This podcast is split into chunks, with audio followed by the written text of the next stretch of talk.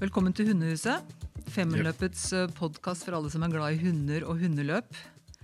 Lars Monsen, du er en av dem. Hjertelig takk. Hvorfor det? Hvorfor er det så stas med hundeløp? Det er en sjukdom. Jeg har prøvd å si jeg gir meg to ganger nå. Det går ikke.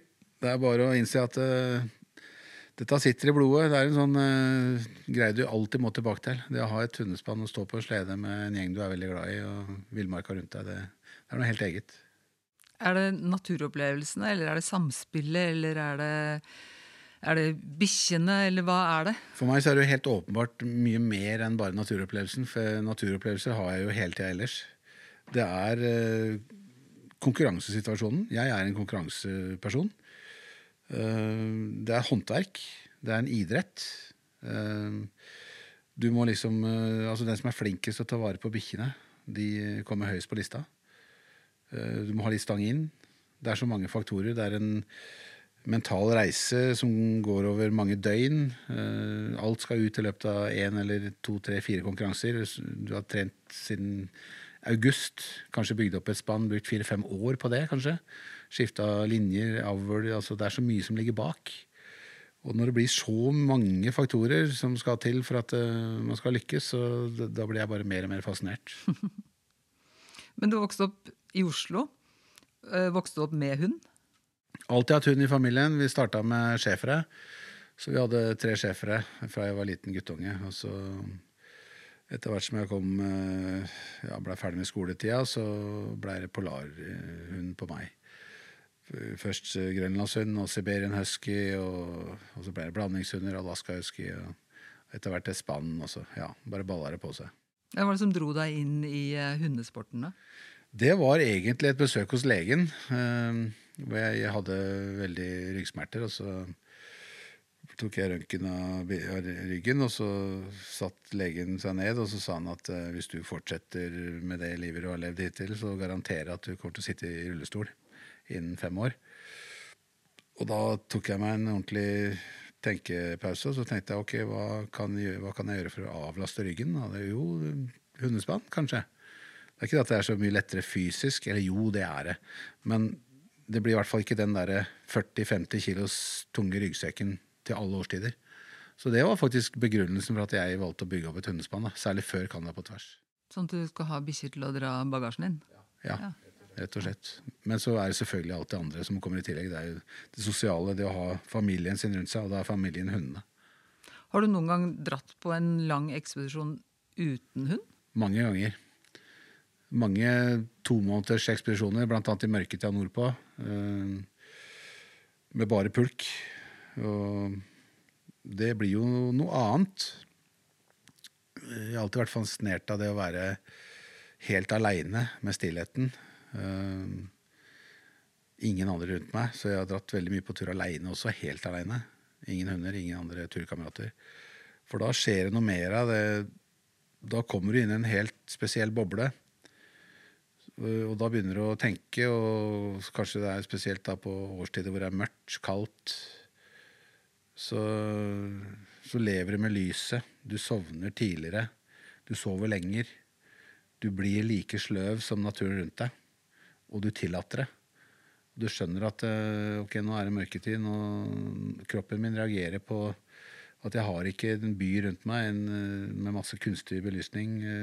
Så jeg blir en del av naturen på en helt annen måte. Og det er veldig fint.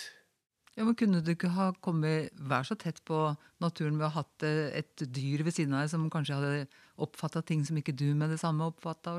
Absolutt. Og derfor så har jeg hatt veldig ofte én hund med meg.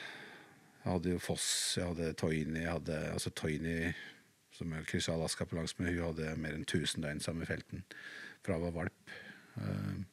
Så det er klart at det, Og én hund, det, altså det blir en sånn vanvittig følgesvenn. Så gjør det utrolig vondt å miste dem når du, når du mister dem. Så det er en avveining. Men akkurat nå så er jeg i ferd med å bygge opp en ny sånn enkelthund. Han er ti måneder gammel, og han blir Han, han har allerede hatt prøvelser så det holder, og, og er bare Og jeg tror han er en hund jeg har hatt tidligere, som har kommet tilbake. Så det er utrolig morsomt. For andres del altså, håper jeg at det ikke er Foss som går igjen, for han var sær. Jeg er veldig i tvil om det er Foss eller om det er Bamse. Eh, han er, han er prikk lik Bamse. Det var en kjempestor eh, 32 kilos eh, muskelbunt som gikk bakerst hele tida og tålte det. Og trakk jo halve spannet aleine. Og en kosegutt uten like. Så han her, han Teddy som kommer nå, han er dønn lik på alle måter. Men han er enda mer kosete. Altså Han tar løpefart og hopper opp i senga og borer eh, halsen sin ned i halsgropa mi og, og legger, presser seg på med hele kroppsvekta og legger seg oppå magen min. Så, så det er morsomt med sånne hunder. altså. Hvordan fant dere hverandre? Nei, det var han som fant meg. altså Han fikk tydeligvis lov til å komme tilbake. da. Jeg tror, ja, jeg tror, Hvis jeg må si at det er en av mine tidligere hunder, så tror jeg det er Bamse som, som er tilbake. Og det er, det, er en, det er, en, gave. Og det som er sprøtt, må bare nevne det, det er at uh, samtidig så har jo Trine fått tilbake hennes hjertevenn Joy, som uh, hun fikk 13 år sammen som vi måtte avlive i fjor. Og det er nøyaktig den samme bikkja. Den valpen heter Shanti. Hun er eh, fem måneder nå. Det er som å se Joy uh, når hun var på den alderen. Altså, samme spinkle kroppen, samme sære matvanene. Uh, det er samme bikkja. Så, så, vi har fått tilbake hver vår hund. Det er utrolig morsomt. Dette er valper som er født hos dere òg, eller? Eh, nei, men min avl, altså Shanti er min avl, det er to av mine, men de er født hos Ragnhild Bidenkap Tofte. Og, den, og Teddy han, han ble avla fram på, eh, oppe i Brumunddal. Uh, for det var eh, en av mine tidligere hunder, og så med en brennovnhund. Og så valgte jeg tilfeldig, i gåseøyne, han Bamse. Fordi, eller Bamse, sier jeg. Det er Teddy. Fordi han var, ja, han var den største valpen blant hannbikkjene. Full klaff. Full klaff. Ja. Hvor skal dere på tur sammen, da? Du er gammel NRK-dame, Kari, så du veit at jeg har munnkurv, men han er med på de nye prosjektene som kommer til å vare i tre år.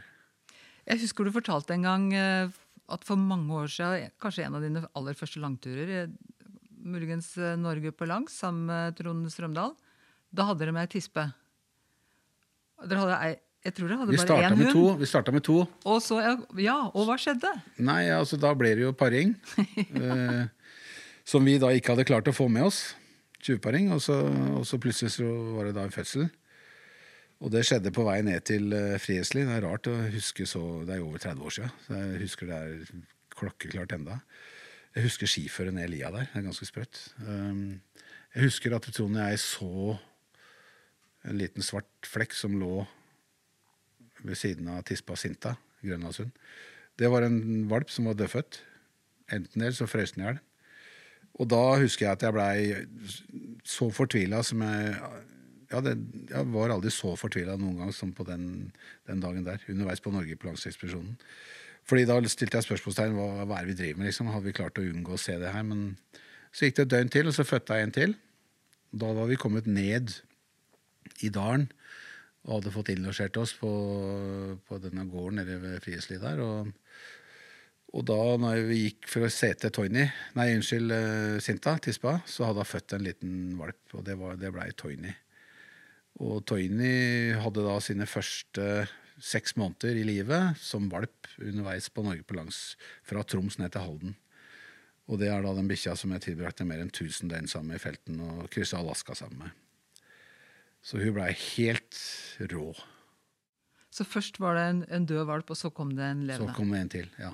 Og hun var da grønnsky. Altså den ene, Tispa var en rein grønlandshund, og, og, faren var en uh, rein siberian husky. Visste dere ikke at hun var drektig før valpen eh, lå der? Nei. Hun hadde jo bare to inni magen. da. Og grønlandsbikkjene er jo litt rundere, så det er litt vanskeligere å oppdage det kanskje, til, til vår, vårt forsvar. da.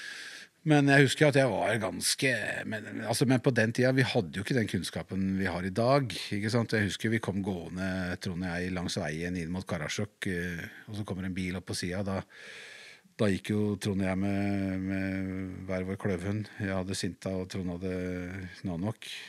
Og så er, ruller han ned vinduet, han som kjører, og det er jo Sven Engeholm. Hører jeg det med hundene? Så kikker han på bikkjene, ikke sant, og så Nei, dem har det bra.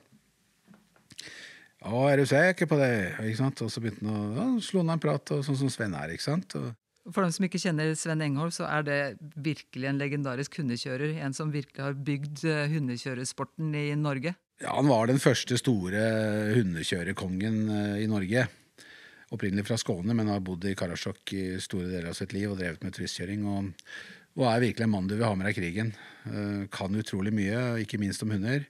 Så han, eh, på sin fine, lojale, avslappa måte, så fortalte han oss at eh, dere må forandre kostholdet på disse hundene deres. Dere kan ikke fôre med Vi fôra med snøgg, som var et fôr du fikk tak i i de fleste butikker, men som er kanskje det dårligste tørrfôret som er laga noensinne. Magen bare blåste opp, men det var ikke noe næring. Eh, Så vi skifta da til revetørrfôr, Evos. 30% fett. Eh, Og da berga vi bikkjene. Så da, Det var jo en tøff tur de hadde foran seg da, så det var meninga at vi skulle treffe Sven, og at han skulle lære oss det. da. Du hører på Hundehuset, en podkast for Femundløpet produsert av kobber.no.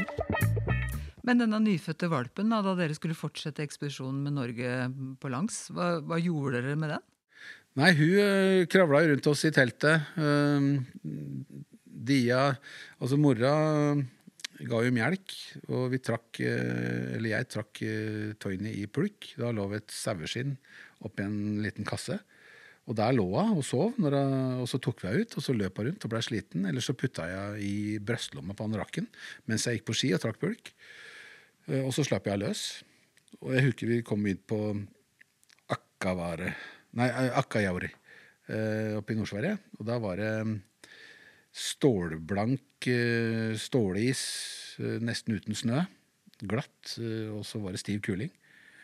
Og vi gikk over der og hadde mer enn nok med å gå på ski, egentlig. Men da tok jeg lille Tony ut av anorakklomma på brøstet, og så sendte jeg seg, Sendte jeg ned avisen, ikke sant? Så at jeg fikk motvind for å jobbe seg mot meg igjen. da. Og gikk ned på kne og jeg, kom igjen, kom igjen, kom igjen. Og hun jobba, jobba, jobba. jobba vet du. Lille valpen, ikke sant? bare noen uker gammel. Og det var, sånne prøvelser fikk hun. Og hun blei altså helt, helt rå som ekspedisjonshund seinere, gjennom hele livet. Hvor gammel ble hun? Toini blei eh, 11 eller 12, tror jeg. Ja. Du har jo stilt opp i eh, veldig mange, mange hundeløp. Eh, og for et par-tre år siden, kanskje lenger, så sa du at eh, jeg skal bli verdens beste hundekjører. Åssen gikk det? Jeg blei jo aldri verdens beste hundekjører, det er ikke for seint ennå. Men eh, og så skal du gå ut på, på TV, NRK, lage en TV-serie, så må du sikte høyt. Og helt ærlig, alt er mulig. Eh, mitt problem er at jeg driver med for mange andre ting på sida. Og hundekjøring har alltid lidd under det. Det har jo alltid vært eh, andre TV-serier. Men dere koker ned til at uh, uh, jeg prøvde, men eh, la ikke nok i det, egentlig. Så det blei fin TV og masse fine opplevelser. Jeg har kjørt Iditarod til mål tre ganger. Første året var 29.-plass blant 92 kjørere. eh, Og så 26.-plass og 20.-plass, og masse gode kjørere bak meg. Så eh, veldig fornøyd egentlig med, med opplevelsene, tross alt. Men føler at eh, potensialet ligger der til å kunne gjøre mer. For det å være hundekjører, det handler jo om å kjenne bikkjene godt, og at ikke minst bikkjene har veldig god tillit til deg. Det at du har drevet med så mye forskjellig, har det gått utover det, tror du? Gått utover hundekjøringa, ja. Ja, men altså at eh, kanskje ikke bikkjene har eh, ja, vært tett, for tett nok, tett nok på deg? Nei, det er kanskje, jeg skjønner at du, du tenker det, men eh, er det noe jeg føler meg trygg på, så er det båndet til bikkjene. Det er ikke tvil om at de veit hvem som kommer når jeg kommer inn i hundegården. Da skjer det noe med dem. Og jeg kan være borte fra dem en måned. Du ser det bare på gjensynsgleden, du ser det på dem når jeg staller opp eh, foran sleden. Eh, Så det, der er jeg helt rolig. Så det, det er faktisk en, en av de styrkene jeg har. Det er båndet med bikkjene. Men hva kunne du ha blitt eh, bedre til hvis du hadde hatt bedre tid til å konsentrere om hundekjøringa da? Langdistanse hundekjøring er bare masse detaljer. Det er å finpusse alle detaljene. Det er å, å trene kanskje hardere. Altså, jeg mener nærmere kniveggen. Uh, Med bikkjene, eller deg, ja, eller med begge bikkjene. deler? Med bikkjene. Eh, fordi altså Jeg har kanskje vært litt for rask til å ta ut hunder under løp. Uh, man, tar ut, man vinner på de hundene man tar ut, er det et ordtak som sier, og det har jeg fulgt. Så hvis jeg er i tvil om en hund, så tar jeg den ut. Og da taper du selvfølgelig fart og, og power i spannet, men ja. Og så, så er det Ja, det er mange detaljer. Altså Hvis du tenker på sånn som Robert, Thomas de siste åra, hva er det de gjør som alle vi andre ikke gjør? Robert Sørli, Thomas Robert Werner. Sørli, Thomas Werner. Altså begge, begge de to er jo så dedikerte. Ikke sant? Det er jo det eneste de driver med ved siden av jobben. Ikke sant? Og de legger ned all tid, og de har en vanvittig eh, eh, motor. Eh, og også begge en, eh, altså et veldig sånn eh, konkurranseinstinkt. Eh, Nå er jo både Robert og, og Thomas veldig trivelige, fine folk. Men du, du har jo også andre vinnere som er veldig kyniske. Og det er også noe jeg har sett, da, at blant de mest kyniske vinnerne, f.eks. Jeg skal ikke nevne navn, men eh, en kar som har vunnet Iditarod flere ganger. Veldig kynisk. Gi Gir like mye som en gråstein når du sitter ved siden av han. eh, Spisse albuer. Eh, Du skjønner at det her er det Han går over lik for å vinne. Og ditt vil ikke jeg. Det er ikke verdt å vinne hvis det må være sånn, men da er det, bedre liksom å, å ha folk som Robert og Thomas, da. Som, eh, og kanskje spesielt Robert, som er eh, rundere enn de fleste. Eh, Så det, det Robert, liksom måten han har vunnet på Det er klart Han har et sinnssykt konkurranseinstinkt, han også. Men, men han er jo så likende, ikke sant? Han er Deler så- kunnskap. Han, han er så flink til å inn, altså innlemme alle. Og så Han bryr seg ikke om titler eller hvem du er, hvordan du er kledd. Eller, altså, han behandler alle likt. Og han tilsynelatende røper alle hemmeligheter. Eh, Det er det ikke alle som gjør. Og så sier han ja, vær så god, prøv du. Nå har du altså eh, kjørt Iditarod tre ganger, uh, Finnmarksløpet mange ganger, og ikke minst Femundløpet. Jeg vet ikke hvor mange starter du har. jeg. Jeg vet ikke jeg sjøl. 16-17, noe sånt nå. Det er i hvert fall et av de løpene, kanskje det løpet som ligger ditt hjerte nærmest. Hvorfor det? Vet du hva, Jeg tror det har noe med naturen å gjøre. Det er så utrolig fin natur. Jeg storkoser meg i furuskogen. Eh, fjellskogen, altså furuskogen, opp, bjørkeskogen opp mot uh, Snaufjellet. Selv om det er i gåseøyne snille fjell, så, så er det eh, ganske tøft klima. Du kan få kraftige vind og stormer og akkurat like tøffe stormer og tøft snøvær her som i Finnmark. Eh, men det er noe med den derre tryggheten og godfølelsen når du kommer ned i, i, i furuskogen. Nei, så jeg har alltid likt meg den, den type natur. da. Du har jo det i Finnmark også, så for all del. Pasvikskogen er jo en drøm å kjøre i, ikke sant. Så ja, det er noe der. Men det er jo kanskje også litt nærmere, da, for, for dem som bor på, på Østlandet. Hva er den største forskjellen på de tre løpene? Iditarod er det lengste og det desidert mest attraktive, spør du meg. Eh, av flere grunner. Fordi det er det mest krevende. Eh, det er der de fleste beste kjørerne er. Det er profesjonelle kjørere. Det er kjørere som er så sultne. Eh, altså de er avhengig av den pengepremien for å leve et bra liv resten av året. De konkurrerer på, i løpet av vinteren, ikke bare i Iditarod, men flere andre løp også, hvor det er høye pengepremier løp som bare er eh, 40 mil, som har høyere pengepremier enn Finnmarksløpet, liksom. Um, og da får du liksom håndverkere. Du, får, du skjønner at eh, Altså, jeg har hatt gleden av å kjøre på sporet med, med Jeff King, eh, Martin Boozer, eh, altså folk som har vunnet og levd av dette her i mange år. Og, og du ser jo hvordan de gjør ting, og, og snakke med dem. Og jeg syns det er utrolig inspirerende. Og det er, det er fine folk. De aller fleste av dem er ordentlig fine folk. Uh, og jeg har selvfølgelig en kjemperespekt for folk som veit å klare seg i villmarka. Og det å ta vare på et hundespann i Alaska Og der, der er det tøffe forhold. altså det Første året så var det jo plutselig var det fire mil uten snø. ikke sant? Da var det jo, da kjører du på frossen gjørme, da. Og stubber og steiner og pang, pang. og Vi kjørte et annet løp, Two Rivers, oppe utafor Fairbanks. og Sjekkpunktet der det var jo bare et vann i skogen. Det var ikke noe påler eller halm. eller Det måtte du ha med deg sjøl. Du måtte, hogge høl i isen sjøl. Men det fløy en kar rundt der og noterte hvem som hadde kommet inn. Og sånn da. Og det er ingen som klagde på det. Så det er, det er liksom en helt annen holdning til, eh, til det å klare seg sjøl i villmarka. Og det å hvile på sporet er jo selvsagt. Alle hundekjørerne i Alaska hviler på sporet og kan klare seg sjøl. Mens det var jo Altså kjørte det Finnmarksløpet for, eh, for det er ikke så ikke mer tilbake enn en seks-sju år sia. Så var det jo nesten ingen, om kanskje ingen, som hvilte på sporet. Alle hvilte på sjekkpunkt. Og hvorfor det?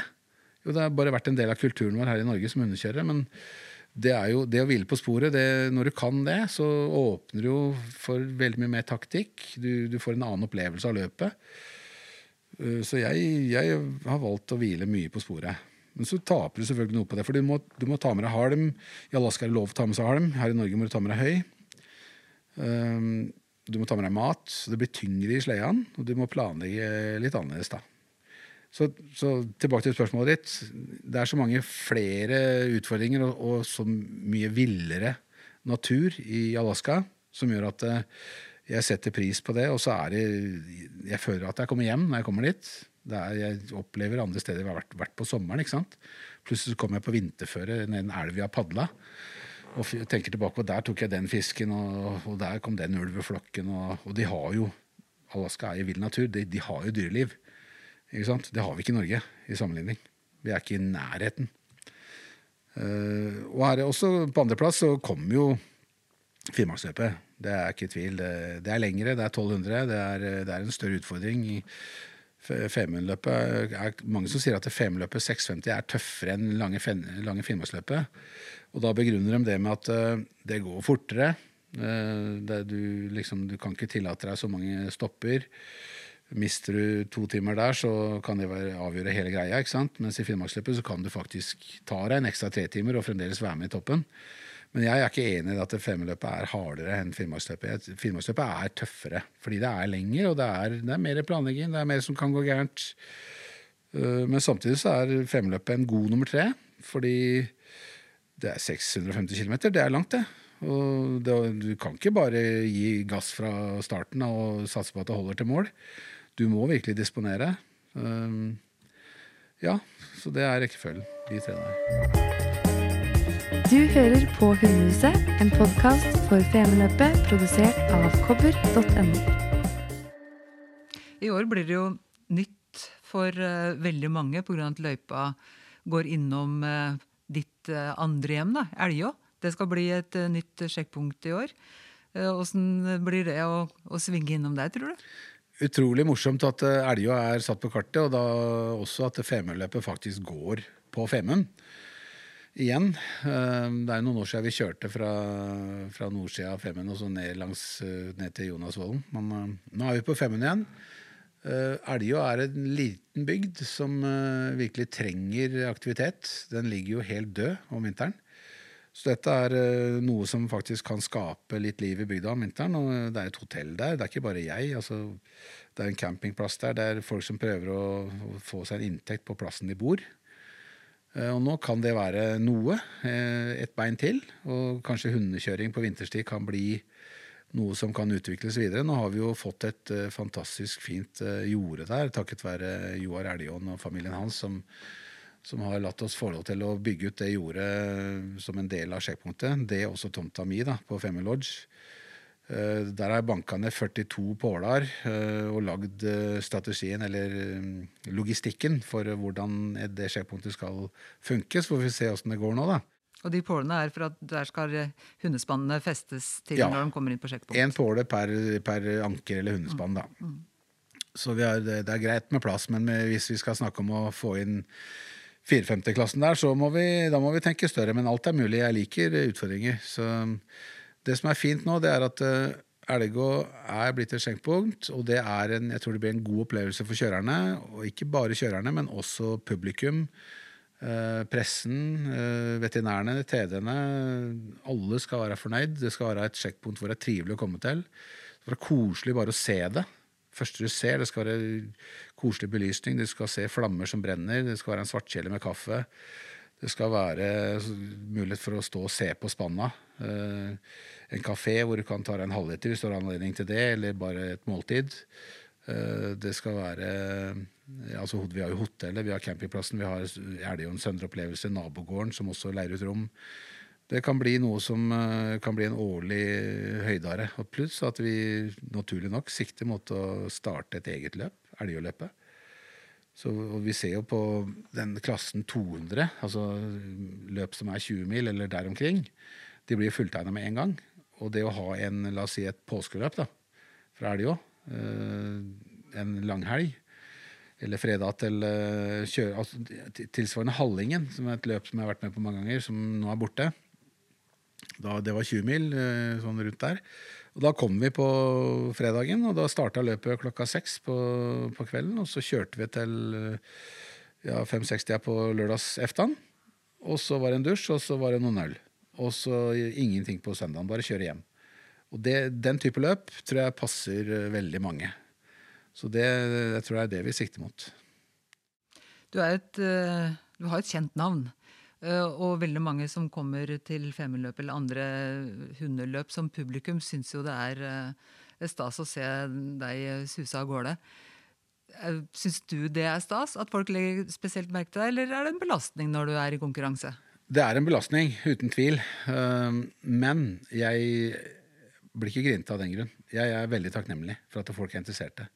For det er jo det de er. De er bare positivt interesserte. Og det er en tilbakemelding på på det NRK-gjengen og jeg har laga. Det er TV-ruta, og det er resultatene av det. Og da nytter det ikke å, å bli grinte fordi folk skal ha en selfie når jeg driver og sokker bikkjene eller et eller annet. Så jeg, bare, jeg gjør bare det jeg må for å minimalisere den tida.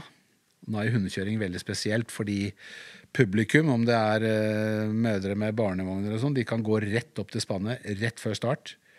Uh, komme helt innpå. Hvilken annen idrett er det mulig? Eh, og det er noe av sjarmen med Rå. Eh, midt i Kjerkata i Røros sentrum, liksom. Så, så, jeg tar det med et smil og sier aldri nei til en selfie. Den jobben, hvis jeg må si nei, så er det handlerne mine som skal dra meg unna. Når du har vært med i så mange år som du har, har du eh, merka om hundesporten og hundekjøremiljøet har forandra seg mye? Ja, det er klart det har det. Det, altså det er jo blitt mer konkurranseorientert. Det er klart det har det. Det er blitt uh, mer altså Skal du henge med i toppen, så hjelper det å ha sponsorer, men da skal du da gi noe tilbake, så, så ravner i TV-ruta. Det at Finnmarksløpet er blitt uh, en TV-sendt greie, har jo betydd Det er natt og dag før og etter det. Det har vært utrolig viktig for sporten at Finnmarksløpet klarte å bli faste NRK-sendinger. Eh, du kan si at eh, ja, jeg legger ut ting på Facebook og Instagram, og sånn, det betyr ingenting i forhold til TV-ruta. Det er TV-ruta som bestemmer. Eh, for da når du ut til det hele, hele folket, ikke sant.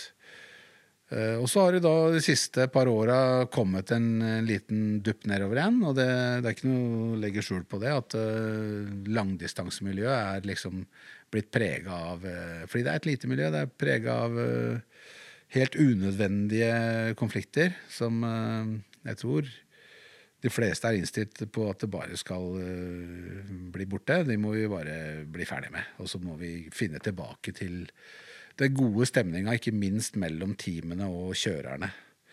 Og så får alle svelge noen kameler hvis det er det som skal til. Og så bare ta hverandre i hendene og si nå er det oss sammen videre. Da ønsker jeg deg en god tur. Takk. Du har hørt på Hundehuset, en podkast for Femundløpet produsert av kobber.no. Lytt til Hundehuset på Spotify. Husk å abonnere for å få med deg alle episodene. Ønsker du liveoppdateringer, tracking og mye, mye mer, gå inn på liverace.no.